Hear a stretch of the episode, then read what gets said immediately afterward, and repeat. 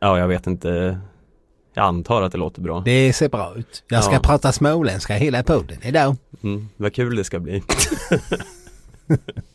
det ser jag verkligen fram emot. Jag känner att det kan vara en höjning för podden. Ja, ja du är ju så bra på det också. Ja. De brukar säga det.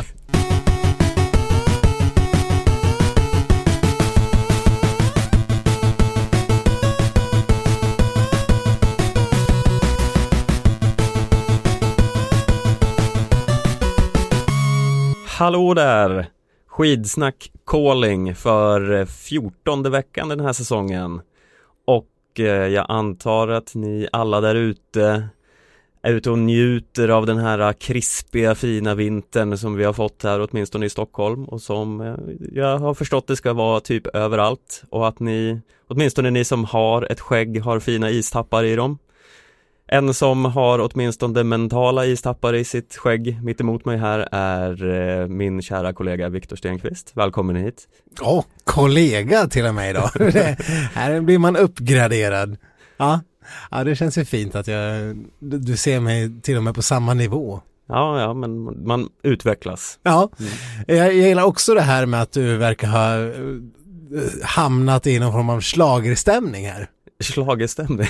Ja, den här inledningsfrasen skidsnack calling känns som hämtad ur en, eh, en eh, poängleverans i eh, Eurovision. Ja, ja, kanske det. Jag ska erkänna att jag såg inte ens Melodifestivalen här nu när den började. Gjorde du? Eh, nej, jag såg omröstningen när de fick poäng. Arja blev sjua och Ja. sånt. Mm. Men eh, inte mer än så. så men jag, jag säger att eh, det var fel. Jag rasar mot beslutet. Ja, ja, men det är ju bäst att göra det. Så man är garderad. Ja, precis. Något, något måste ju vara fel. Folket har aldrig haft rätt hittills. Ja, Nej, men jag kan verkligen se mig dig framför dig sitta och vara liksom eh, Sveriges motsvarighet till Erik Saade i, i något land och, och liksom Azerbaijan calling. Here are the votes from the Azerbaijani jury. ja. Är, är det på grund av att du tycker att jag har ett dåligt uttal eller eh, att det skulle passa in i random öststatsland? Ja, nej, jag vet inte riktigt varför jag gick till Azerbaijan med ditt, eh, ditt eh, lätt rödaktiga yttre. Du borde ju vara typ Irlands eh, call voter person. Eller Ja, något sånt. Ja, vi får väl se om någon hör av sig. Det ska väl vara lite att man har en koppling till landet i fråga. Jag har ju varken så mycket irländsk eller azerbajdzjani koppling. Nej. Va, vad kä- vad skulle du säga om du skulle få välja ett land som du skulle få leverera röstresultatet från? Vilket skulle det vara? Ja men det vore ju lite kul att ta något sånt här otippat namn, eh, land, så här, typ Moldavien eller någonting. Ja, men du, du har väl ingen koppling till Moldavien heller? Nej men jag har ju inget, kop- ingen koppling till något land förutom Sverige. Nej, nej, nej det är sant. Har du liksom inga, vi pratade ju tidigare om min Habsburgska haka. och, och du sågade den som någon form av inavlad, eh, ja, misshap. Ja, nej alltså inte vad jag vet. Men det kan ju finnas en moldavisk förgrening i släkten Sköld utan att jag känner till det. Du kanske har några klassiska moldaviska blomkålsöron eller så. Ja. Inte för att du har blomkålsöron men nej, det Nej, får, det får man väl mest om man håller på med, med sådana här eh, the mauler typer av idrotter. ja det är väl så. Inte så mycket skidåkning. Nu är det ju inte som att jag sysslar med så mycket skidåkning heller om man ska vara helt ärlig. Nej, vad sysslar du med egentligen Ja, Stefan? nej men jag skyller väl ganska mycket på att den här eh, långsamt eh, gående utdragna ebola-lighten som jag haft fortfarande sitter i lite. Men eh, Du eh, håller ju på med crossfit och sånt Stefan. Får man nog blomkålsöron i crossfit? eh, inte så mycket eh, vad jag har märkt. Nej. Jag ser inte så mycket på de andra heller att de är drabbade av blomkålsöron. Så det, det ska nog vara min eventuellt moldaviska okända släkt som står för den biten. I skidåkning har vi ju i alla fall sett att man kan drabbas av stickskador. Ja, Det det kanske är lite mer om det senare men det, är, eh, ja, det, ja vi, det, har visat sig, ja, visat sig vara en kontaktidrott av, av sällan skådat slag. Ja. Eh, ja, verkligen. Gud, det har hänt så himla mycket den här veckan. Men jag tänkte vi kanske ska inleda med lite eh, återkoppling från våra kära lyssnare. Ja, Efter den här korta, korta inledningen som vi hade nu om annat bara. Ja, Mm. Yes. Ja, vad- vi har faktiskt fått lite mail. ja eh, vi kan ju eh, börja med att eh, eh, vi efter, förra veckan efterlyste vi lite egna tips på hur man skulle lösa krisen i herrlandslaget efter att vi själva hade kommit med våra bästa tips. Det handlade mycket om eh, interneringsläger i Norrland och sånt. Så då fick vi eh, ett mejl från eh, vår lyssnare Marcus. Han skriver så här. Hej! Lyssnade med stort nöje till era rekommendationer kring hur det svenska herrlandslaget ska komma på fötter igen. Till era tidigare nämnda tankar skulle jag i all enkelhet vilja tillföra ytterligare några idéer. Med tanke på föregående års skogsbränder borde man kunna slå två flugor i en smäll och sätta landslaget i att från april till september röja sly, barka granar och hugga brandgator i Sveriges skogar. Det är allmänt känt att längdskidåkare under Sixten Jernbergs glansdagar arbetade i skogen under barmarkssäsongen och på så vis byggde upp en kroppslig fysik som skulle få vilken asagud som helst att blekna av avund. Ja, det här är ett av eh, tipsen från Marcus. Kort kommentar här, vad tror du om det? Ja, den har ju lite så nationalromantiska drag som man kan vara, kan vara lite svag för om man har lagd åt det hållet. Eh, Ja. Jag är ju helt eh, för jobba i skog. Det känns ju verkligen i linje med, med gamla skidåkartraditioner att man kanske tränar upp sig genom att släppa stockar. Mm. Och att det, att det blir en bra träning. Och sen att man först skidar tre mil ut till eh, hygget där man på och arbetar. Och sen skidar tillbaks. Ja, Ja, men man- det känns lite, som du säger, svenskt. ja det är helt för. Ja, nej men jag också, jättebra idé.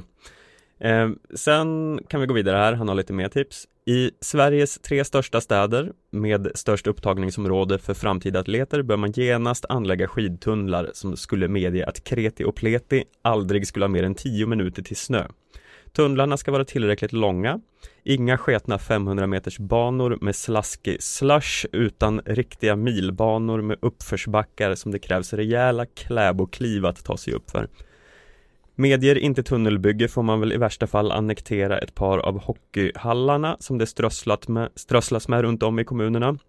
I hallarna skulle man kunna bygga listiga labyrinter, perfekt för att öva kurvtagning inför sprintlopp. Ja, ja, den här idén gillar jag ju på ett helt, av ett helt annat eh, sätt. Vi, vi förflyttar oss från det traditionellt svenska till det här som vi kanske var inne på lite tidigare, det, det mer traditionellt öststatsmässiga eh, diktatoriska förhållandet till hur man eh, ordnar välfärd och sånt eller hur man bygger saker som man vill ska byggas. Jag tänker kanske på typ eh, det var väl, det är väl Azerbajdzjan där de har någon form av halvdiktator som bygger gigantiska guldtempel i sin egen eh, ära typ. Mm. Och där de eh, sätter upp liksom eh, arenor och sånt och allt möjligt. Eh, ja, helt enkelt på bekostnad av, eh, av befolkningen som får lida istället. Ja, Och för att kunna bygga tre, minst tre stycken skidhallar, det, det, låter ju som ett mångmiljards eh, ja, Och då måste ju ett och annat sjukhus eller polishus eh, helt enkelt få stryka på foten. mm. Kvinnorna får väl helt enkelt föda i eh, bilarna på Ja. vägen till BB som ligger 15 mil bort. det finns gott om bilar. Ja, Så det tycker jag ändå är lugnt. precis. Man får väl bara dela ut någon form av BB-kits Ja, till alla föderskor runt om i landet så att de kan vara lite förberedda. jag tycker man skulle kunna göra som en parallell tunnelbana, att man så här, duplicerar hela tunnelbanenätet och har det ena som skidtunnel. Precis. Ja, Då skulle det finnas jättemycket yta. och sen eh, finns det ju, men det finns ju en känd historia om den här ryssen som eh, opererade bort sin egen blindtarm ute på någon form av eh, polarexpeditionsområde någonstans. Det var för långt till, han var läkare. Så han fick göra det med en, en spegel och en skalpell.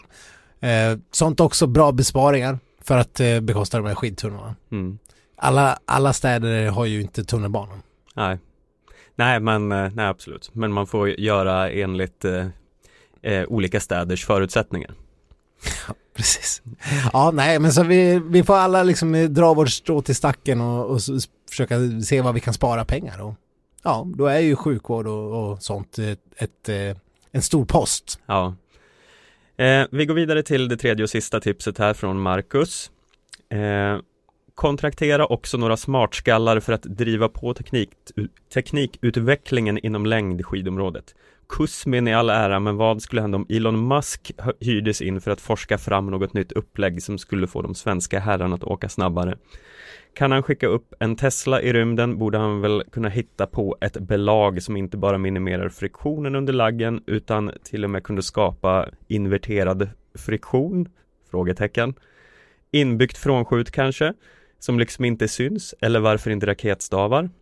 Han sålde ju eldkastare på sin sajt, så ett par osynliga krutladdning under trugorna borde ju inte vara en smal sak att forska fram. Hoppas tipsen faller i smaken. ja, det här var ju lite mer out there. Ja, men, eh, men eh, också fritänkande Ja, och bra. Sen tror jag det största misstaget som mänskligheten gjorde var att eh, skicka upp någon till, i rymden. För nu kommer all, alla, alla, alla, all, alla saker vi åstadkommer efter det kommer ju jämföras med eh, att vi skickar, jaha, vi kan inte ens, vi kan inte ens få bra glid eller fäste. Vi, vi kan skicka ut någon till rymden men vi kan inte se till att eh, stafettlaget får bra fäste i första två klassiska sträckorna. nej, man kan ju tycka att det hade varit mycket härligare om man inte hade gjort den här uh, storfilmen First Man nu om Neil Armstrong han åkte till månen Ja. och istället gjorde om eh, när eh, Jens Burman fick eh, bra fäste i mördarbacken ja, ja, ja. First Så att- Man Så talesättet skulle inte längre vara att vi kan, ja, vi kan tydligen skicka någon till månen, vi, vi kan inte, utan nu är det, ja, vi kan ge Jens Burman bra, bra fäste, men vi kan inte, Ja, ja. Ja, nej, men eh, det, det, jag, jag håller he- helt, helt med. Herregud, vi får väl se till att alla företag där ute i landet får avsätta minst en av sina liksom eh, rd eh, forskare på att eh, ja men det får bli som lumpen. Företagen får avsätta en forskare att eh, under ett år eh, arbeta med, ja men kanske det kan vara välla.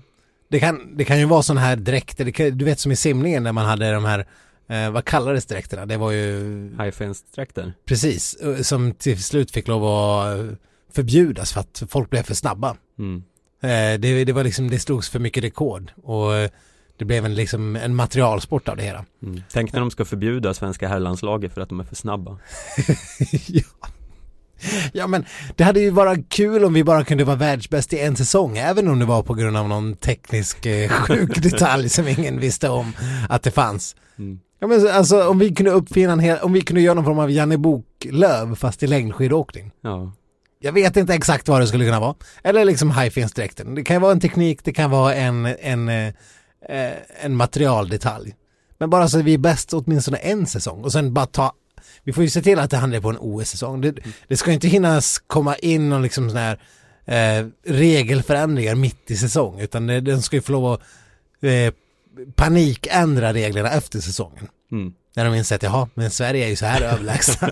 Men då får vi ta det på en OS-säsong när vi ändå kan ta alla medaljer. ja. ja men det låter bra Skönt att vi har kommit vidare här eh, Vi har fått ett par mail till som vi ska ta som är lite kortare eh, Vi har eh, Patrik som skriver Hej på er! Låter som en kul rysk idé med ett framtida arbetsläger Förslag på arbetsnamn kan vara Skilag med ett D inom parentes eh, med sikte mot att bli ett nytt Gulag med LD inom parentes Alltså guldlag Ja, ja, det, det görs ju bättre i skriften i tal det här ja, det är verkligen.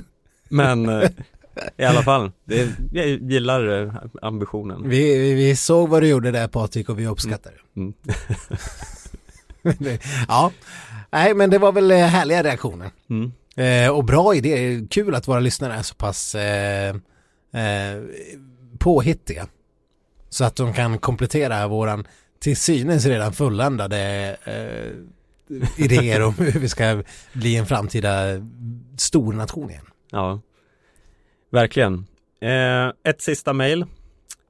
eh, Det här har inte med vårat eh, herrlandslagsfix att göra utan bara ett mejl i största allmänhet Hej Sköld och Stenqvist! Jag upptäckte för någon vecka sedan denna guldgruva till podcast tack vare en kollega på säsongsjobbet Sedan dess har jag varit fast och skidsnack är nog 99,9% anledningen till att jag överlever att stå i en skidlift hela dagarna och se folk åka fel sorts skidor. Blev särskilt glad när jag upptäckte att ni dissekerade historien om Fet-Mats i ett avsnitt. Och som guide i Falu gruva själv så uppskattar jag verkligen hur komiskt ni fick allt att låta. Ja, vad säger du om den här hyllningen till Fet? Fet-Mats avsnittet som Ja, vi för, pratade för det första undrar jag, ska det här liksom eh, skidsnack läser upp mail där vi hyllas? Ska det bli ett återkommande inslag i, i skidpodden? Det är jag helt för. Ja, men men eh, ja, jag, jag, jag vet ju att du själv, jag vet inte vad jag, jag tyckte ju att fet Mats-segmentet är ett av de bästa som skidsnack har levererat. Känns som att du själv har varit lite mer tveksam och det kanske bara är till eh, själva omslaget eller avsnittsnamnet som du fortfarande tycker är ett av våra sämsta. ja jag, jag, jag, känner att det är lite så här svårbegripligt men tydligen inte kanske. För er nytillkomna lyssnare så hade vi ju då för några säsonger sedan ett avsnitt som hette Fet-Mats och amerikanerna. Mm. Efter att amerikanska landslaget eh, var på besök i Falukoppa gruva. Eh, och det var inte som att de hade pratat om Fet-Mats eller någonting, de hade bara varit där. Mm.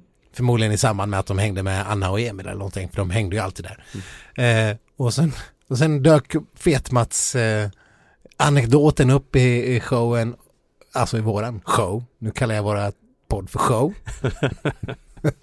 Frågor på det? Ja, det är snart en krogshow av det här. Ja. Och sen ledde ju det till det naturliga avsnittsnamnet Fet-Mats och amerikanerna. Mm. Om inte folk för, förstår var det kommer ifrån då, då, då, då vet jag inte vad jag ska tro på mänskligheten längre. Nej, det- jag minns mest som att det var lite svårt att hitta någon bra bild på Fet-Mats och göra något vettigt av. Men, ja ja, Det, ja, för mig den löste sig. Det där är all history now. ja. Ja men det kanske är dags att starta det här avsnittet eller vad man säger med lite vad som, eh, Lite content. lite content. ja, ja för, för de tre lyssnare som är kvar. Ja. ja men för er tre i alla fall. Eh, jag tycker ändå att vi måste inleda med det här eh, grandiosa eh, uttalandet av skidpampen Gianfranco Casper som har uppmärksammats stort idag. Eh, det här är då alltså FIS president som har varit på besök i, på VM i Åre. Och FIS är internationella skidförbundets president. Helt Ja. enkelt. Han är alltså liksom överkucken när det gäller all typ av skidåkning. Ja, han är även hedersmedlem i IOK, Internationella Olympiska Kommittén. Mm. Vad har han sagt för något? ja. ja, så här sa han till den schweiziska tidningen Tages Anzeiger. Ur ett rent marknadsmässigt perspektiv vill jag bara ha OS i diktaturer. Jag vill inte bråka med miljöaktivisterna, säger 75-åringen. Jag vill inte åka till ett land och investera i deras skidanläggning samtidigt som folket svälter. Där drar jag gränsen. Om Qatar skulle söka OS imorgon skulle jag vara emot det. Så han har ändå en gräns. Mm. Men eh, jag, jag vet inte varför det här har uppmärksammats. Jag tycker det är en, eh, en, eh, en alldeles korrekt och bra inställning till eh, OS som idé. Och jag, jag förstår inte riktigt kontroversen i det här. Det, det har ju redan Går inte OS bara i typ Ryssland och Kina som det är? Ja, ehm, Går inte alla OS där? ja så det, här är väl något så. som vi jobb, har jobbat med i hur länge som helst. så vad, vad, är, vad är problemet? Ja. Nej, men det, det ligger ju lite i tiden där. Jag hade ingen aning om att vi hade en sån här fistpump som var motsvarande så här, Donald Trump och Bolsonaro och Sepp Blatter, vem man nu vill ha som referens.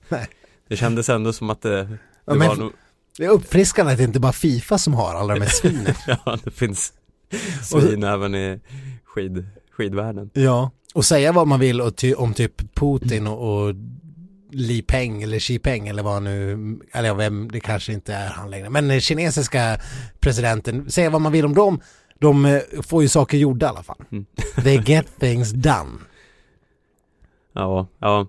Ehm, nu minns jag inte vad du sa, men läste du det här med, miljöaktivisterna också? Som man sa. Ja, han vill inte bråka med miljöaktivister. Det också, måste vara så jävla skönt att vara 75 och kunna ha den inställningen till hela liksom, klimatfrågan. Ja. Att se, vad- bryr jag mig? I Ja. och för sig, det räcker inte att vara 75, man måste vara empatilös också, men ändå. Mm. Och hans eh, förklaring till att man inte att han inte skulle acceptera typ Qatar Ja, det, det grundas ju också endast i att det är för mycket sand där Hade det varit ett, ja, ett vinterland så hade han ju inte brytt sig eh, för fem öre om folk dog i arenabyggen Nej, nej, han är ändå ordförande för skidförbundet. Jag vet inte riktigt hur ett OS i Qatar skulle stå sig i, i vinter-OS-miljö riktigt. Nej, så han köptes ju lite fri där bara genom att så här, kunna eh, rasa mot Qatar mest bara för att det inte är på världskartan Nej, Det känns, känns inte aktuellt, Nej, så att säga. Nej, men annars diktaturer, är- ja, det är som sagt, eh, det här bådar ju dock inte gott för Sveriges OS-ansökan nej, och apropå det så såg jag att eh, man har redan börjat någon form av liksom skyttegravs, eh, skyttegravskrig medierna. Eh, det har ju dragits igång VM i Åre, mm. här eh, utförs. Inte Nej, slättförs. fel sport som vi Precis. pratar om nu, fel sorts skidor Fel sorts skidor där de åker skidor nerför berget istället för uppför berget som vi gör i, i riktig skidåkning. Mm. Eh, där så var det lite kaos beroende kanske på eh, väder och andra omständigheter men många åkare aktiva och eh, även ledare och sånt hade lite svårt att ta sig till Åre på grund av eh, ja men det var dels SJ, tågen gick inte och flyget kunde inte landa och det var alla möjliga och man fick inte med sig grejerna från Arlanda eller till Arlanda och hej och hå. Så det här snappade ju italienska tidningar upp och, började skriva om hur dåligt det var i Sverige. Och eh, hur obra koll vi hade på allting. Så de lät ju liksom alla möjliga typer av ledare och aktiva fläka ur sig om hur, hur dåligt skött det var. mm. Medan eh, Åre-VMs eh, typ chef, eh, vem nu det är, eh, fick urskulda sig säga att ja men normalt sett är det som så att ta sig till själva orten där ett mästerskap eller en tävling avgörs. Det är liksom inte arrangörens problem. Det är någon annans problem. Eh, så han, han svor sig fri. Men grundproblemet kanske var att eh, det, vi, det var mer Sverige som land och dess infrastruktur som inte kanske höll måttet, tyckte väl italienska medier då. Mm. Det italienska det är ju det för att det är ju, är det Milan, Milano, som tävlar mot Sverige, som är de enda kvarvarande länderna om att eh, få arrangera OS eh, 2026. Mm. Ja, jag minns inte, det är säkert eh, Milano eh, Eller Rom. Ja, det borde inte vara, ja strunt samma, något, nå- någon av dem. Eh, och så de verkar vilja ha det till skillnad mot alla i Sverige som inte vill. det är bara, det är bara skidsnack och fyra skidåkare som vill ha OS här. Ja, de kampanjar hårt i sociala medier nu, eh, skidåkare, om varför vi ska ha OS Jag, jag har inte sett liksom eh, ett enda positivt ljud från en, eh, en politiker eller någonting sånt än. Nu har vi ändå en regering på plats. Nu måste vi snart börja liksom eh, kräva kräva lite jävla OS. Ja, ja vi får ha kravpodden snart Ja, verkligen. Skidsnack kanske ska rent av starta en kampanj. Ja, ja det är inte, inte annat än rätt eh, Vi eh, går väl vidare lite här till en annan nyhet som kom ganska precis eh, Norges eh, landslagschef är han väl, Mm. Vidar Lövshus avgår Ja, efter 13 år vem kan man tänka sig sitter och jublar i det tysta då? En, Kanske en, en pensionär där ute ja. ja, det är ganska känt att eh, Petter Northug eh, hade under typ hela sin karriär någon form av liksom eh, kalla kriget med Vidar Löfshus. Ja, eh, ja han är nog eh, mer än nöjd i detta nu Lövshus vill gå vidare till nya utmaningar Mm. Som det brukar Utbildad heta. civilekonom tydligen. Ja, du tror att han har fått sparken, är det du insinuerar? eh, Nej, det var inte meningen riktigt Men- Som det brukar heta. Ja, Jo, men ja, Ja. man vet aldrig En annan som nog är väldigt glad över det här är Aino Kaisa Saarinen Ja. Som bara för någon dag sedan gick ut och krävde hans avgång Ja, verkligen. ungefär. Jävla välpassande. Undrar hur Aino Kaisas eh, kritik, fick, var det liksom det som fick eh, bägaren att rinna över som det så vackert heter? Ja, han kanske bara behövde den här lilla skjutsen. Ja. Nej, hon var ju ganska starkt kritiskt eh, att han satt kvar efter att dels så eh, först var det ju som kom eh, för, för förra sommaren när Martin Jonsson blev avstängd. Blev så här lägligt avstängd i mellansäsongen. Mm. Ett halvår eller vad det var. Eh, han missade inte en enda tävling. Efter att ha överdoserat sin astmamedicin. Eh, eller inte anmält den mängd som man skulle kunna ta. Helt enkelt. Det var, en, det var väl någon form av eh, eh, akademisk miss, höll jag på att säga. Det kanske inte är ett akademiskt, men det var en miss. Eh, strax därefter så kom ju Johaug-härvan. Mm. Och hon fick ju desto kännbarare straff med sina 18 månaders avstängning. Och Aino Kansasaarinen eh, gick i någon intervju ut för några dagar sedan och den här 40-åriga eh, före detta skidåkaren ska vi säga. Mm. Hon har ju lagt av.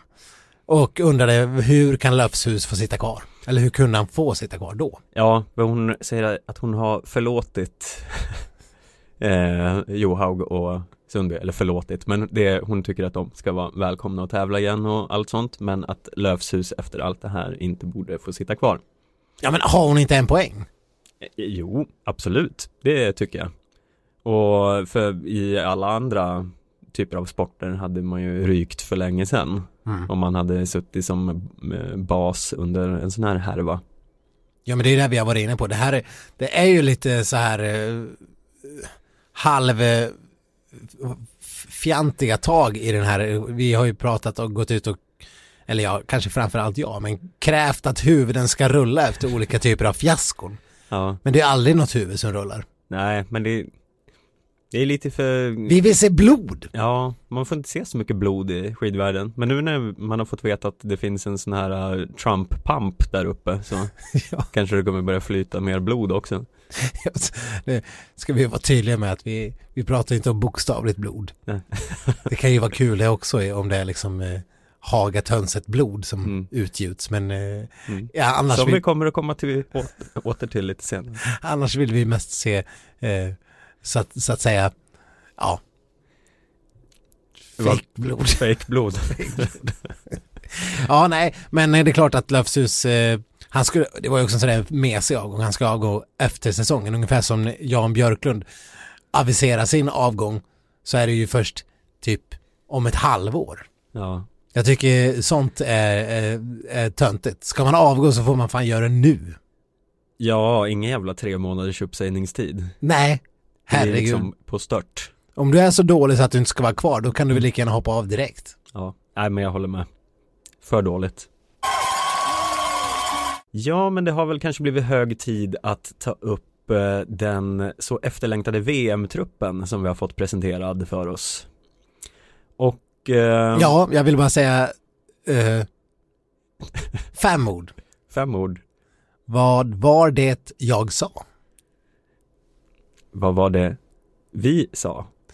Ja, men jag menar mest att min och eh, eh, Rickard Grips liksom eh, Jaha, du är inne på det där Ler och Långhalm. eh, Ja, alltså vi är, vi är så jävla ett, Mm. jag och Rickard.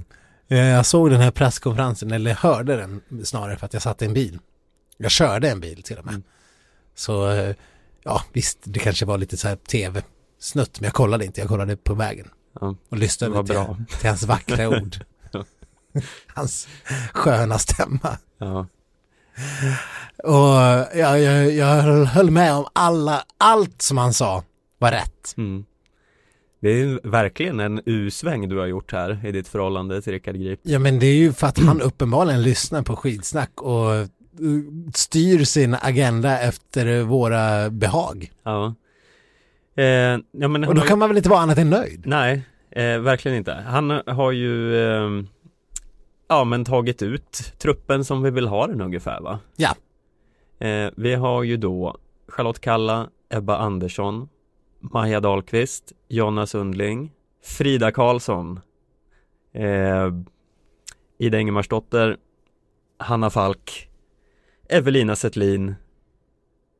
Har jag räknat upp alla nu? Jag tar det här ur huvudet. Jonna Sundling. Ja, jo det hon sa jag. Eh, Jag trodde du läste från en lista för jag har, jag... Eh, Men ja, Mm. Och då med eh, det lilla roliga förbehållet att några av de här ska få ge upp i en form av eh, eh, Celebrity Deathmatch till helgen. Ja, Eh, när Ida Ingemarsdotter, som jag glömde nämna, eh, Hanna Falk och Evelina Settlin ska få köra något slags utslagsrace om vem som ska få den sista sprintplatsen. Ja, och vi har ju upprepade gånger sagt att eh, Stina, Maja Dahlqvist och eh, Jonas Ullring har ju, ha, har ju en klar plats i Mm. skidsaxbok. Där nämnde Stina också som jag också glömde i min uppräkning från huvudet. Ja, det gick inte så bra med den. Men i alla fall, Mm. eh, det har ju vi sagt hela tiden, Mm. typ i alla fall flera veckor. Mm. Och så mycket riktigt så, eh, ja, lyssnade Rickard till dessa uppmaningar och gjorde så. Och nu ska då som sagt Ida, eh, Hanna och Evelina åka om den fjärde platsen. Inte så här amerikansk uttagning, vilket innebär att, eh, vilket skulle innebära att den som blir bäst får platsen. Mm. Utan man kommer även se till liksom eh, säsongs och eh, dagsform. Ja, det vill säga så När, kommer, när, de, när VM väl är liksom. Så kommer de fyra, femma, sexa i det här loppet så kanske de ändå tar Ida Ingemarsdotter även om hon är sexa. Mm. Och det, nu vann ju Hanna SM, Mm. eh, vilket kanske inte säger så mycket för Ida åkte ju inte.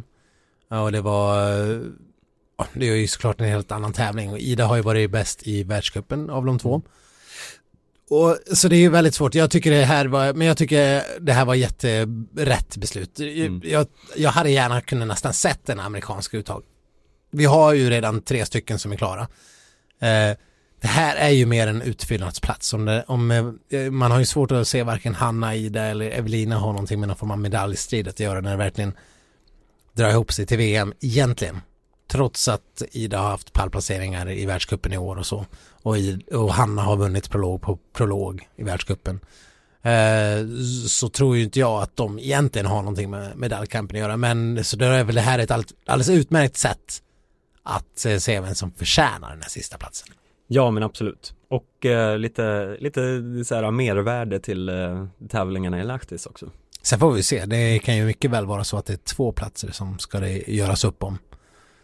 Eftersom Stina Nilssons medverkan är lite skör. Mm. Ja precis. Eh, jag tycker dock fortfarande att hon verkar lite för glad. Hon är lite för glad på sociala medier. Hon Ja. säger ju, vi har ju inte hört henne prata sen, eh, sen det här inträffade. Nej, Hon har köpt en ny mjölkskummare precis. Så trevligt. Bara så att ni vet. Det här hände efter att hon hade lekt med det här tro, tro, trollet utanför, utanför affären som vi pratade om förra veckan. Mm. Ja, mjölkskummare, ja men det vill man ju ha. Mm. Eh, och eh, om man tänker i övrigt, ja vi behöver inte säga så mycket mer om den här truppen, den är ju helt given. Ja, Och, eh, jag tycker ju att Frida ska åka allt. Det har vi ju sagt, och med allt som menar allt utom sprint. Ja, eh, och vi får väl se lite hur det blir där. Jag tror inte att hon kommer få åka allt. Nej, men det hon tror inte jag heller, kommer ju garanterat få åka något. Ja, det rimliga är väl att sätta henne, för det kommer ju börja med sprinten, sen är det ju 10 kilometers loppet. Det rimliga är väl att låta henne testa det Mm. och se hur hon står sig emot övriga. Sen får man väl se om eh, hon har en given plats på typ skiathlon. Tre milen är väl, är väl, eh, ja, det lär hon inte få åka om hon inte, ingen annan vill kanske. Känner jag Sverige rätt så kommer vi väl bara ha tre som åker tre milen för Aj. alla är så trötta och Ja. har gett upp vid det har laget. åkt hem liksom. Ja, herregud. Men eh, nej, fantastiskt kul att Frida får vara med och jag hoppas verkligen inte det är på någon sån här se och lära maner. Det hade ju varit bärst om man inte får åka någonting. Ja, ja verkligen. Eh, ska vi gå vidare till herrtruppen då? Ja, Du kan få läsa den Ja, som men- har det här framför dig.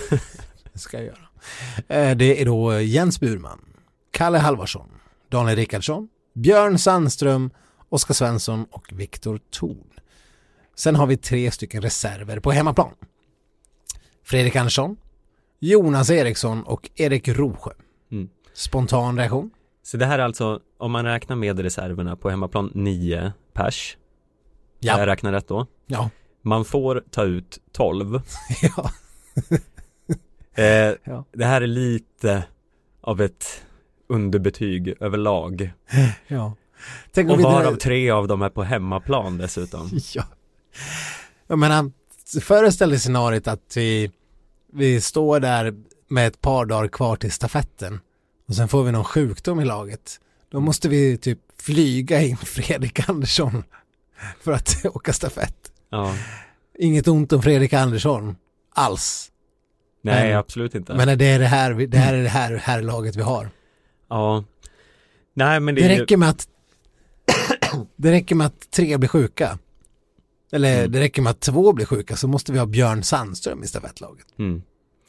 Ja, alltså det är absolut ingen Alltså jag säger att det är typ 75% att Björn Sandström kommer att åka stafett. Ja men det är ju, alltså det är ju liksom sjukt. Ja, med tanke på hur sjuka våra åkare ofta är så. Ja. Ja. Jag menar, vi ska behöva Ja, nu ska vi, alltså, man, vi har ju noll förhoppningar om att ha medalj på stafetten oavsett. Men man vill ju ändå kunna se ett Sverige som kanske typ är med. Mm. Och sådär, för det som är bra med en VM-stafett är att Ryssland och Norge och de, de får ju bara ha ett lag var. Mm. Till skillnad mot i världscupen när de kan ha ta upp två, tre. Mm. Eh, men då måste vi ju sitta och nu när det, liksom, när det börjar verka som att eh, vårt starkaste kort heter Daniel Rickardsson helt plötsligt. Får man se, hoppas Daniel inte blir sjuk. då är stafetten körd. Där, där är svenska herrlandslaget 2019. Ja. Nej, men det är väl inte så mycket att säga om. Vi har ju pratat om allt hundra gånger, men det är väl ganska givet lag det här också. Det är väl Björn Sandström som kanske, ja, vill inte vara given på förhand. Eh, det Nej, det vara som är lite- lite anmärkningsvärt är väl att det är en person som saknas från A-landslagstruppen som inte är med uttagen i VM. Eh, du tänker på Theodor Pettersson? Ja, nej det tänkte jag. Jag tänkte på Carl-Johan Westberg. Ja, Carl-Johan Westberg. Ja, det är ju faktiskt lite, han har ju ändå åkt typ det mesta. Mm. Eh, men eh, ja, Theodor Pettersson är det väl inte kört för? Är det inte... han ska ju också göra en sån här Celebrity Deathmatch Ja. i Lahtis med, eh, nu tappar jag namnen här. Eh, Ja, jag har också tappat namnen. Temporär minneslucka. Men eh, en av namnen är inte Carl-Johan Westberg. nej, eh, Så det är ju... Det, det, det får ju ses som en jättesågning av hans eh, säsong. ja. Någonstans där ändå. Sen tror ju jag att han kommer eh, knipa den här platsen ändå mot de här två som jag nu har tappat namnet på. Ja, där, det är ju på samma som på damsidan så är ju Kalle, eller vi tre namn som är klara redan. Det är Kalle, eh, Viktor Thorn och eh, Oskar Svensson. Ja, och då att Oskar Svensson är klar är ju också lite Ja, det var ju inte helt givet med tanke på hur pass dåligt han har åkt i vinter. Nej, å andra sidan så har väl han ändå liksom lite av en historia av att vara ganska bra. Mm. Var liksom bra förra OS och sådär och har väl på något vis en högre kapacitet än vad han kanske har visat upp den här säsongen. Mm. Eh, sen sen har, jag, har vi pratat om hans oförklarligt dåliga form och oförklarligt på det viset att han själv verkar inte ha en aning om varför han är, har varit i så dålig form Nej. hela säsongen. Så det är, ja, det är ju lite tråkigt men eh, det, det finns ju inga andra att kasta in i laget heller. Nej. Det hade varit roligt, jag hörde att eh, Emil Jönsson var anmäld till något lopp under SM-veckan här i Sundsvall men sen sket han i det och körde aldrig. Det Ja. kanske var tur det, annars skulle han ha satt bryderier i Rickard Grips uttagning om han helt plötsligt hade visat sig vara ja, en Emil Jönsson som kan åka skidor över lag hade typ kunnat tagit plats i den här VM-truppen. Ja, jo faktiskt. Eh, ja, nej men eh, inga större skrällar i eh, VM-trupperna och eh, ja, det är väl heller inte som att det är något att eh, rasa så mycket mot. Nej, Det ser väl ganska bra ut överlag utifrån det, de resurser vi har. det var väl förresten typ Johan Häggström och Martin Bergström. Kanske. Ja, precis. Så var det. Det är de som gör upp med Theodor Pettersson. Och eh, Johan Häggström är ju lite av en poddfavorit så får vi se om han har någon chans att uh, kampas med Theodor. Men förmodligen så landar jag väl på Pettersson. Ja, jag skulle tro det med. A lot can happen in three years, like a chatbot may be your new best friend. But what won't change? Needing health insurance. United Healthcare Tri Term Medical Plans, underwritten by Golden Rule Insurance Company, offer flexible, budget friendly coverage that lasts nearly three years in some states. Learn more at uh1.com. Ja, vi har ju eh, nu avslutat SM-veckan och vi behöver väl kanske inte säga jättemycket mer om det för det har vi väl ungefär samma sak att säga som förra veckan. Ebba imponerade stort, Ja, vann med supermarginaler. Eh, ja men vi måste nästan egentligen bara säga återupprepa det vi sa förra veckan att det är helt sjukt hur hur mycket hur, hur jävla bra Ebba är. ja, alltså hon, Är hon snabbare än Johaug nu? man, hon vann ju med ungefär samma marginal mot eh, eh, Kalla som Johaug vann mot Jakobsen Mm. i NM. Det var ganska exakt om det var typ 1 och 10, 1 och 15 någonting. Mm. Eh, och det, ja det, det ser ju bra ut nu Ja. åker men det är ju väldigt svårt att veta. Ja. Sen sket ju Kalla i, eh, i 15 km loppet. Ja, Det kan man ju förstå lite grann. som Ebba vann med eh, typ en och en halv minut utan glid. ja, ja, det, ja, det var väl mer till och med. Ja, för hon, hon stakade ju nerför. Ja, Så i början åkte de andra ikapp henne eh, i nedförsbackarna för att hon inte hade någon glid. det var en Men väldigt rolig intervju i SVT när hon liksom efteråt, när de frågade, ja du såg inte ut att ha så bra glid. Bara, nej, nej, det var väl, jag, jag fick väl ta i lite grann, men ja, nej. Alltså det syntes med blotta ögat att när, när de stod och de andra typ liksom stod eh, och bara åkte i utförsbacke så stod hon och tokstakade för att ens Mm. ta sig framåt. Och stackars Mattias Fredriksson i eh, kommentatorsbåset bara men du, må, du åk långsammare, ta gör inte slut på din form. Han var så himla brydd över att hon åkte för fort. Ja. Är Det är ju, alltså, så hon vann alltså med, ja men det var ju minst en hade, det var ju typ Mm. närmare 1,45 eller någonting. Ja, Utan, utan glid, alltså hon hade fruktansvärt usel glid. mm. Hon, var- hon, och som hon sa själv, jag hade väldigt bra fäste, ja kanske lite för mycket. Ja, no Mm. shit.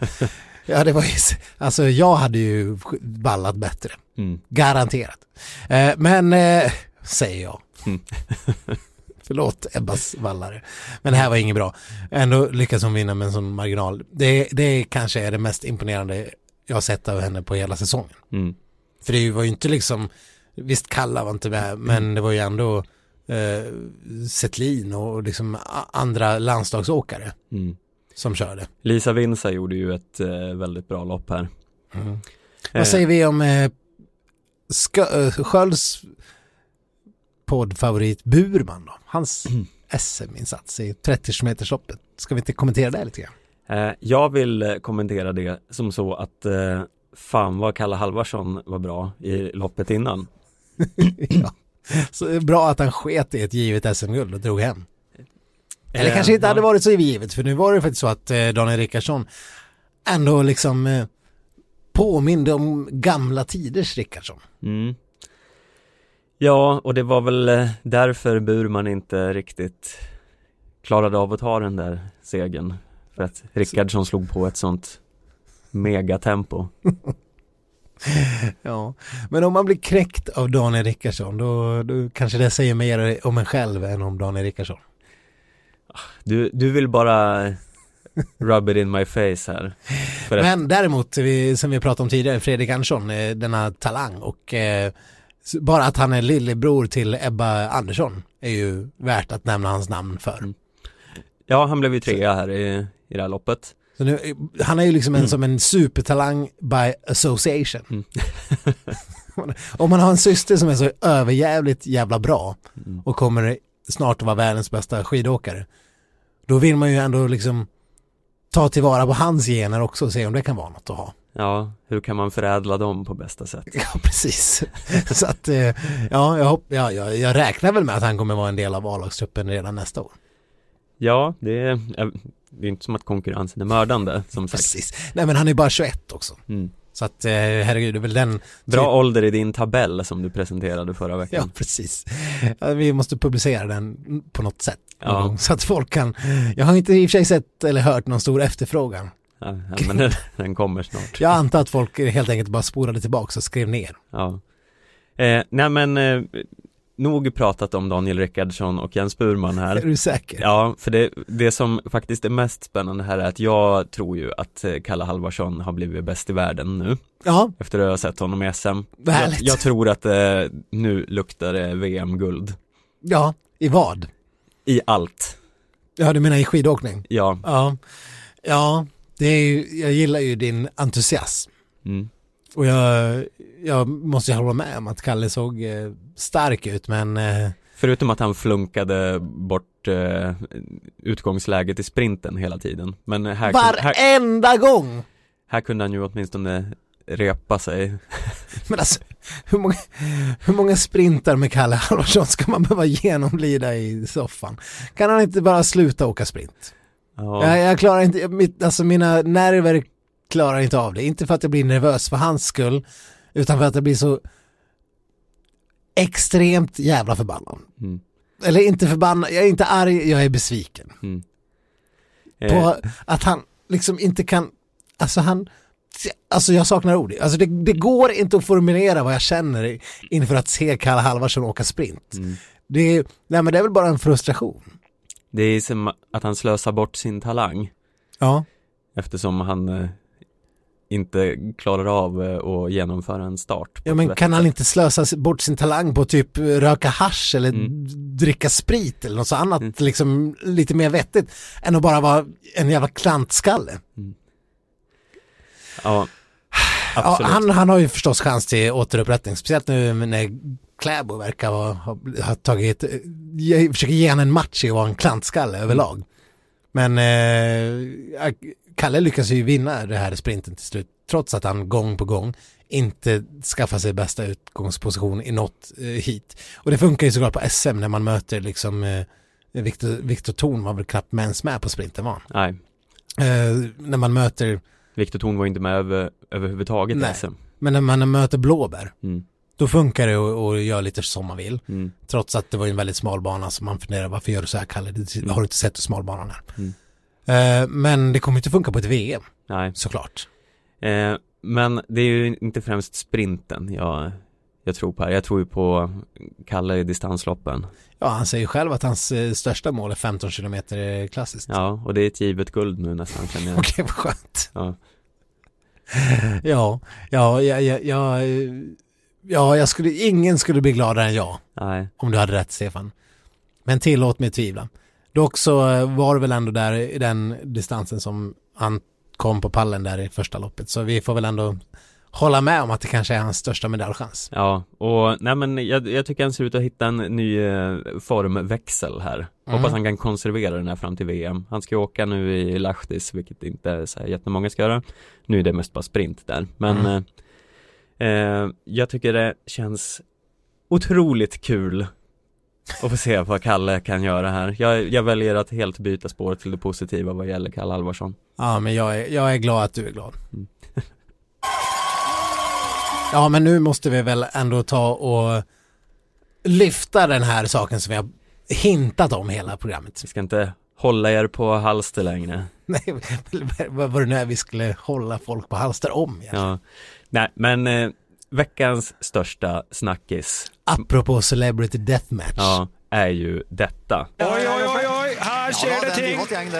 Vi må bare avbryte, Morten. Dessverre. Staven til Tønsberg. Han smeller til sin konkurrent Magne Haga. Slår med den staven. Det var ikke pent. Det var jo selvfølgelig ikke med vilje Magne Haga gjorde det der. Ja, det vi hörde här Det var ju eh, de norska kommentatorerna som eh, fick sig en liten chock Mm. i, i, och satte kaffet i vrångstrupen När helt plötsligt under eh, loppet så eh, hugger eh, Didrik Tönset sin avåkta stav i ansiktet typ, Ja. på Magne Haga ja. ja, det var ju det var bland det sjukaste jag sett.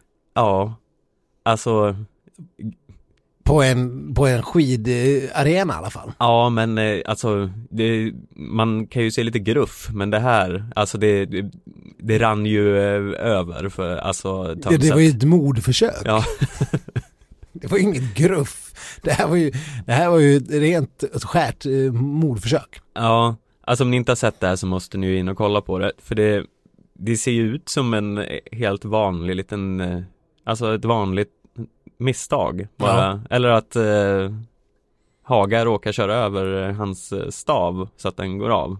Mm. Inte alls något direkt, Nej. någon medveten attack. Och Tönset blir asförbannad. Ja, Svingar staven rakt mot, eh, mot Haga.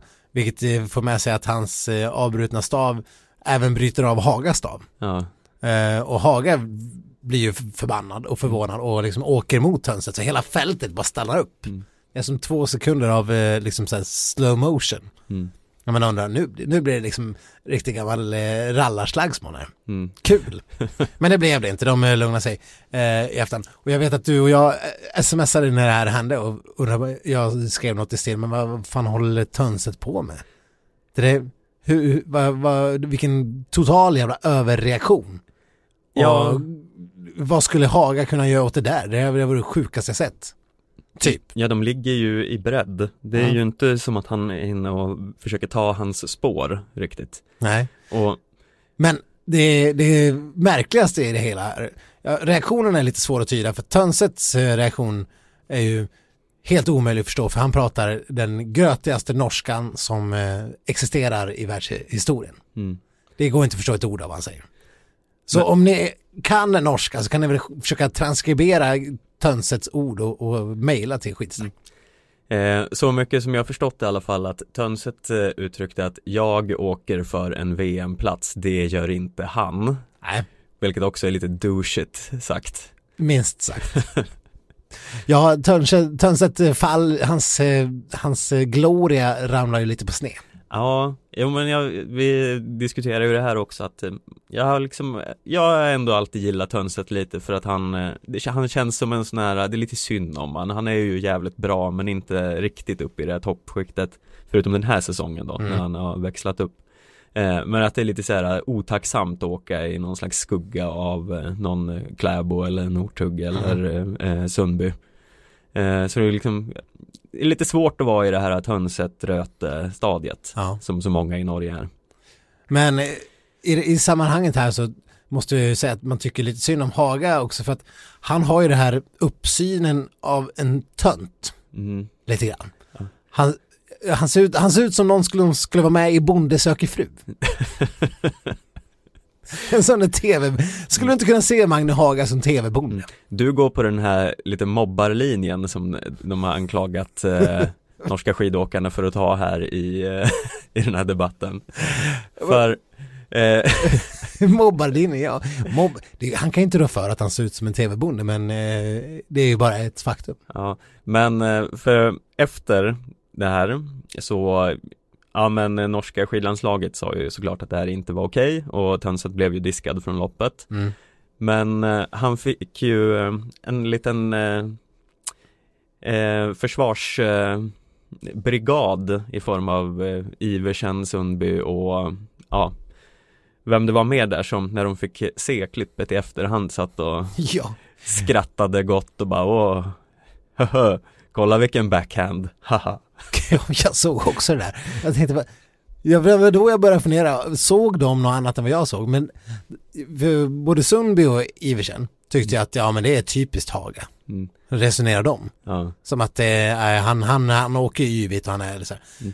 Är han, är det han som är en douche egentligen? Är han en douche i spåret?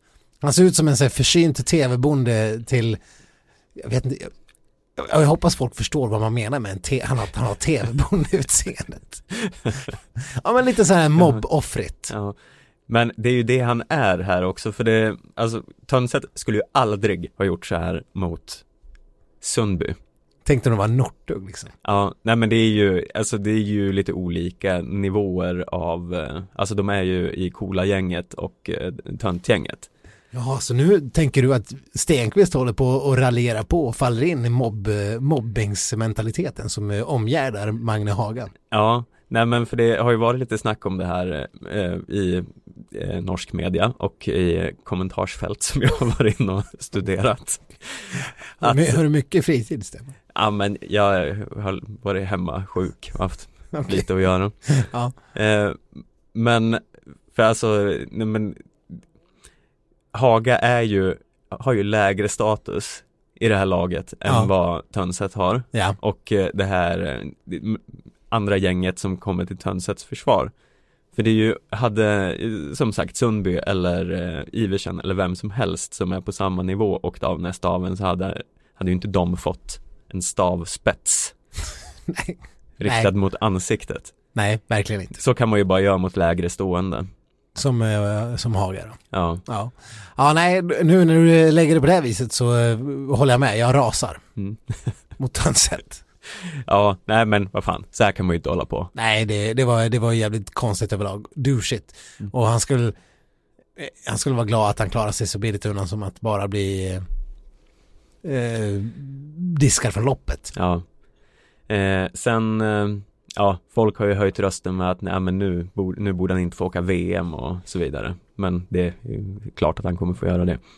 Herregud. Kalle Halvarsson skulle ju på riktigt kunna begå ett mord och ändå få åka VM. Ja, när det kommer till svensk skidåkning. Så att, eh, Mm. ja, men eh, tanke på statusen skidåkning har i Norge så Mm. förstår jag att de inte tar bort ett eh, potentiellt medaljhopp. nej, nej verkligen inte.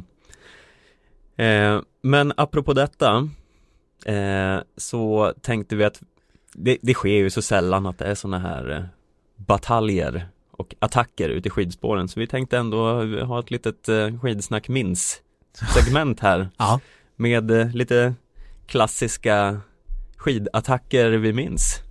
Och jag vet inte, har du någon på rak arm? ja eh, vi kan ju börja med en klassisk skön eh, duell. Där eh, våran, jag höll på att säga framlidne men det, det, då är man väl död. Mm. Han, han är bara, han är, han, Han är pensionerad. han, är, han är död för oss men han är Mm. inte död på riktigt. Nej, han är inte alls död för oss. Nej, Men Marcus Hellner, nu, nu, nu är du lite ute och cyklar här. Men, ja, men Han, tänk, han hade ju på riktigt varit våra bästa namn i det här VMet om han hade fortsatt. ja, varför Men- han av för? Ja, varför? Jo, för att han ville bli heli- helikopterpilot. Mm. Har vi sagt det?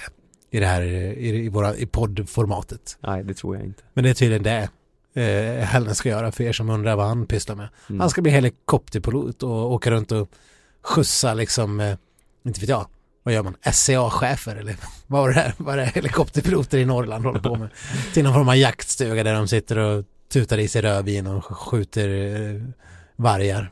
Eller Ja. något. Eller skjutsa upp Martina Hags till eh, fjällstugor där de kan sitta och skriva böcker om sina före detta män. Okej. Mm. Ja, det, det är typ sånt som Hellner ska göra. Skjutsa korrumperade chefer och eh, succéförfattare. Ja. Ja, Men eh, i, i forntiden så hade han i alla fall bråk med eh, Sergej Ustjugov. Mm. Ett, ett klassiskt bråk. Ja, det här var också ute i spåret. Det är Ja, sällan det sker i spåret. Så det är ju verkligen värt att ta upp. och då var det väl till och med så att Ustjugov hotade med stryk. Eh, ja, det hade ju kunnat bli ett riktigt jävla slagsmål där. Eh, för det var ju så att eh, ryssen, Ustjugov då, han slog ju till Hellner med stavar eh, ut i spåret. Varpå Hellner eh, sa ifrån sen i målområdet att så här får man inte göra, Sergej. Nej. Eh, och då säger Ustjugov Jag är ingen pojke som låter mig bli slagen Jag stannar och slåss om det krävs Fantastiskt, ja. Mm. ja. Nej, det gillar man ju ändå. mm. Eh, men eh, jag tror att de blev, eh, att det aldrig mynnade ut i riktigt slagsmål. Mm. Nej, jag, det, det blev ju inte som eh, Tönset Haga att det eh, var liksom slagsmål inga, inga direkt stickskador. Nej. Ja, vad har du något mer du minns? Eh, ja, sen handlar det ju mycket mer om eh, verbala attacker Men eh, det är ju svårt att inte nämna när eh, Justina Kowalczyk i extrem skadeglädje eh, när hon satt och väntade på Johaugs dopingdom skrev på Twitter att hon poppar popcorn och väntar på beskedet. Det är också en, det är, det är lite så här internetspråket. Mm. Man, eh, man, eh, man poppar popcorn och så kan man ha en meme när man sitter och trycker i sig popcorn i biosalongen och kollar på ett häftigt bråk eller någonting. Så att, eh, och Kowalczyk har ju varit ganska känd för att vara kritisk mot eh, typ Björgens eh, användande av astmamedicin och sånt i tid och otid. Mm. Och eh, det är klart hon sitter och poppar popcorn och väntar på att Johansdomen ska komma. Ja, men, nej, men det var en sån filmisk eh, Ja, man såg verkligen hur hon satt där eh, med sitt, med någon form av, inte, ja, hånleende, någon sån här smirk Mm. Men jag tror hon gjorde ju säkert det på riktigt också. och eh, poppa Pop- popcorn. Ja, Ja, men jag hoppas det. Mm. ja. Har vi några fler minnesvärda attacker? Ja, eh, alltså när vi ändå har pratat om An- Aino-Kaisa Saarinen Mm. Och hennes kritik mot Löfshus så eh, får man ändå lyfta hennes eh, stick mot Johaug, den nyss nämnda Johaug. Mm. Johaug är inblandad i mycket. Ja, och det har ju med samma sak att göra. Det var ju den här läppsalve-bilden. Mm. Ja, hon eh, efter att eh, det var mycket debatt om hur Johaug eh, inte, eh, alltså hur hon inte kunde ha sett att det var en, eh, en otillåten salva eftersom det står doping på paketet. Så tog ju Aino-Kaisa Saarinen eh, saken i egna händer lite grann och åkte ner till det här apoteket i Seiseralm var det väl och eh, tog en bild när hon håller upp den här eh, dopingsalvan. Ja, Eh, ja, jag, jag får en eh, uppvisad för mig här i detta nu och det är en väldigt klassisk bild. man undrar liksom, ja, varför? Mm. Det är ju bara, ja, det är ju bara, det är ju riktigt rövigt mest. Ja. Ja, det är inte som att den eh, kommer tillföra någon eh, direkt bevisning. Det Nej. finns ju redan där. Saarinen verkar ju, men nu uppskattar ju vi eh, ut, alltså folk som talar i skägget. Mm. Men hon verkar vara ett riktigt praktas. Mm. Om man får tolka alla hennes jävla utspel och, och attacker. Men det är, ju, Ja. det är ju sånt, det är ju perfekt för oss. Vi gillar gärna bråk. Mm. Eh, det finns ju miljarders sådana här eh, verbala attacker men en som jag skulle vilja lyfta, en som inte riktigt eh, de skulle erkänna själva kanske. Men det är ju Charlotte Kalla och eh, Hanna Falks eh, lilla beef. Ja, det är, det är ju den, det är den mest eh, briljanta smygattacken som, eh, som har eh, levererats i svensk mm. landslagsskidåkning. Mm. Eh, Charlotte Kalla fick frågan vem hon ville se i eh, stafettlaget eller om hon ville se Hanna Falk där. Ja. väl, Ja, hon fick väl, nej, hon fick väl frågan om hon skulle ta ut, hur hennes tänkta stafettlag skulle se ut. mm. Och för där var ju Hanna Hanna Falk Falk hade ju, lite den, den givna efter sin eh, då, hon eh, hade en väldigt bra period. ja, och det här var bra. ju, det här var ju för två år sedan, VM, inför VM 2017. Mm. när eh, Hanna Falk var, var ganska bra även på distans. Hon hade ju gjort ett jättebra lopp i Ulricehamn Mm, på hemmaplan när det var världscup där sist. mm, Och det var ju också bara veckorna före VM. mm. Och så på Hanna Falks hemmaplan så står Charlotte Kalla framför micken och eh, petar Falk i Ja. stafettlaget och säger jag vill ha Ebba Andersson i laget. ja. Mm. Fantastiskt. Mm, Och vi kunde inte annat än hålla med. mm. Och så blev det också. Ja, Och resten är historia. Mm. Eller vad man säger. Ja, det blev väl ett silver i alla fall. ja, Efter en fin, fin Ebba Andersson-sträcka. Mm. ja. Ehm, jag vet inte. Eh, ska vi nöja oss med attacker där eller har du någon mer du vill eh, belysa? Smygattack. Eller nu kan vi attacker kan vi tolka in mycket i. Ja, Men en sak som jag drar mig till minnes apropå Hanna Falk, det var ju alldeles nyligen när hon fick eh, i Expressen eller Aftonbladet TV, jag kommer faktiskt inte ihåg vad det var, fick frågan om, eh, liksom fick reagera på Stina Nilssons eh, skada i, i världscup, världscupen där hon eh, o, o, orsakade den här bristningen. Mm. Och Hanna Falk står där och alltså orden hon säger är väl i stil med att ja det är ju såklart väldigt tråkigt och vi hoppas att hon ska kunna bli frisk till VM. Mm. Men Under intervjuns gång så höjer sig mungiporna upp till något form av jokern smile. ja, verkligen. Alltså, hon säger en sak men hela hennes yttre säger något helt annat. Det, det är liksom så här, men gud hon är, hon är ju så här serie, hon är ju verkligen serietidningsord. Ja, Hon är liksom så här, Cruella de Vil-ord.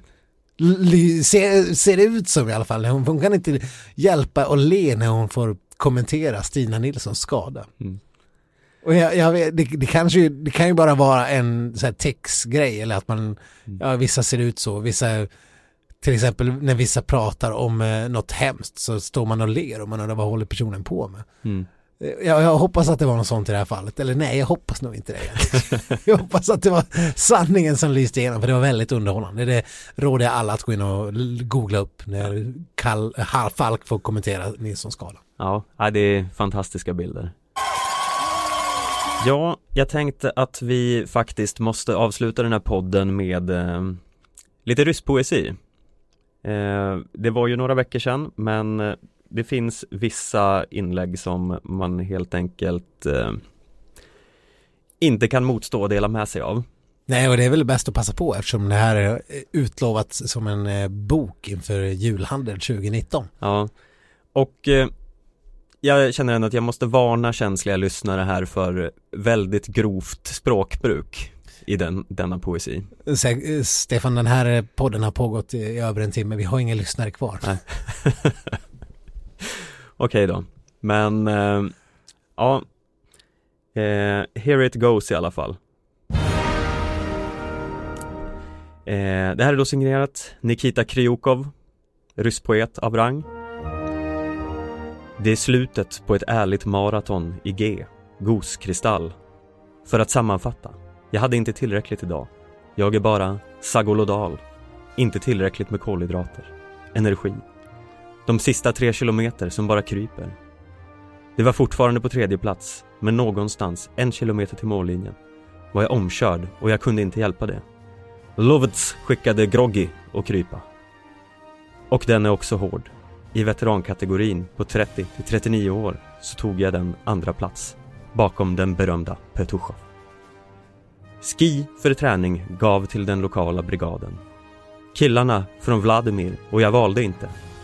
Kukar sprang förresten också på denna version av glidmedel. Alexander Schnittov, tack till arrangörerna för att ni förbereder och håller tävlingar. Fans för stöd, atleter för brottning. Atmosfären var fantastisk. Jag och använder tillfället för att skicka video och en fotorapport av överföringen. All positivitet, alla på ski, vintern är evig.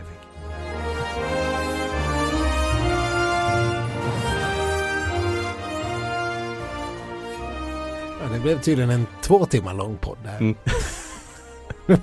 det var den längsta rystpoesin jag, jag varit med om faktiskt. Men det var, ja, får vi be dem eh, blipa eh, de här könsorden du, du slängde ur dig.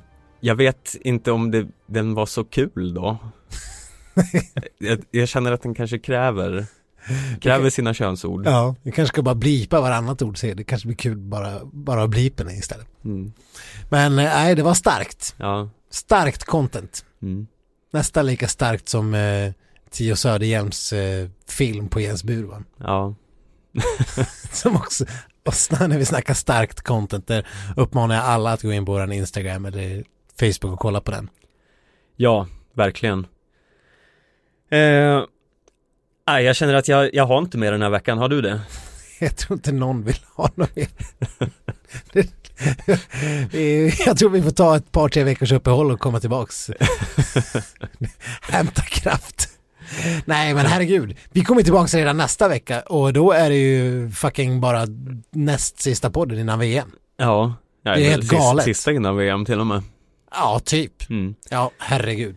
Ja, nej men eh, som vanligt kontakta oss på skidsnack.aftonbladet.se på Facebook, Instagram och Twitter under skidsnack. Så hörs vi igen nästa vecka. Ja, hej då! Hej då!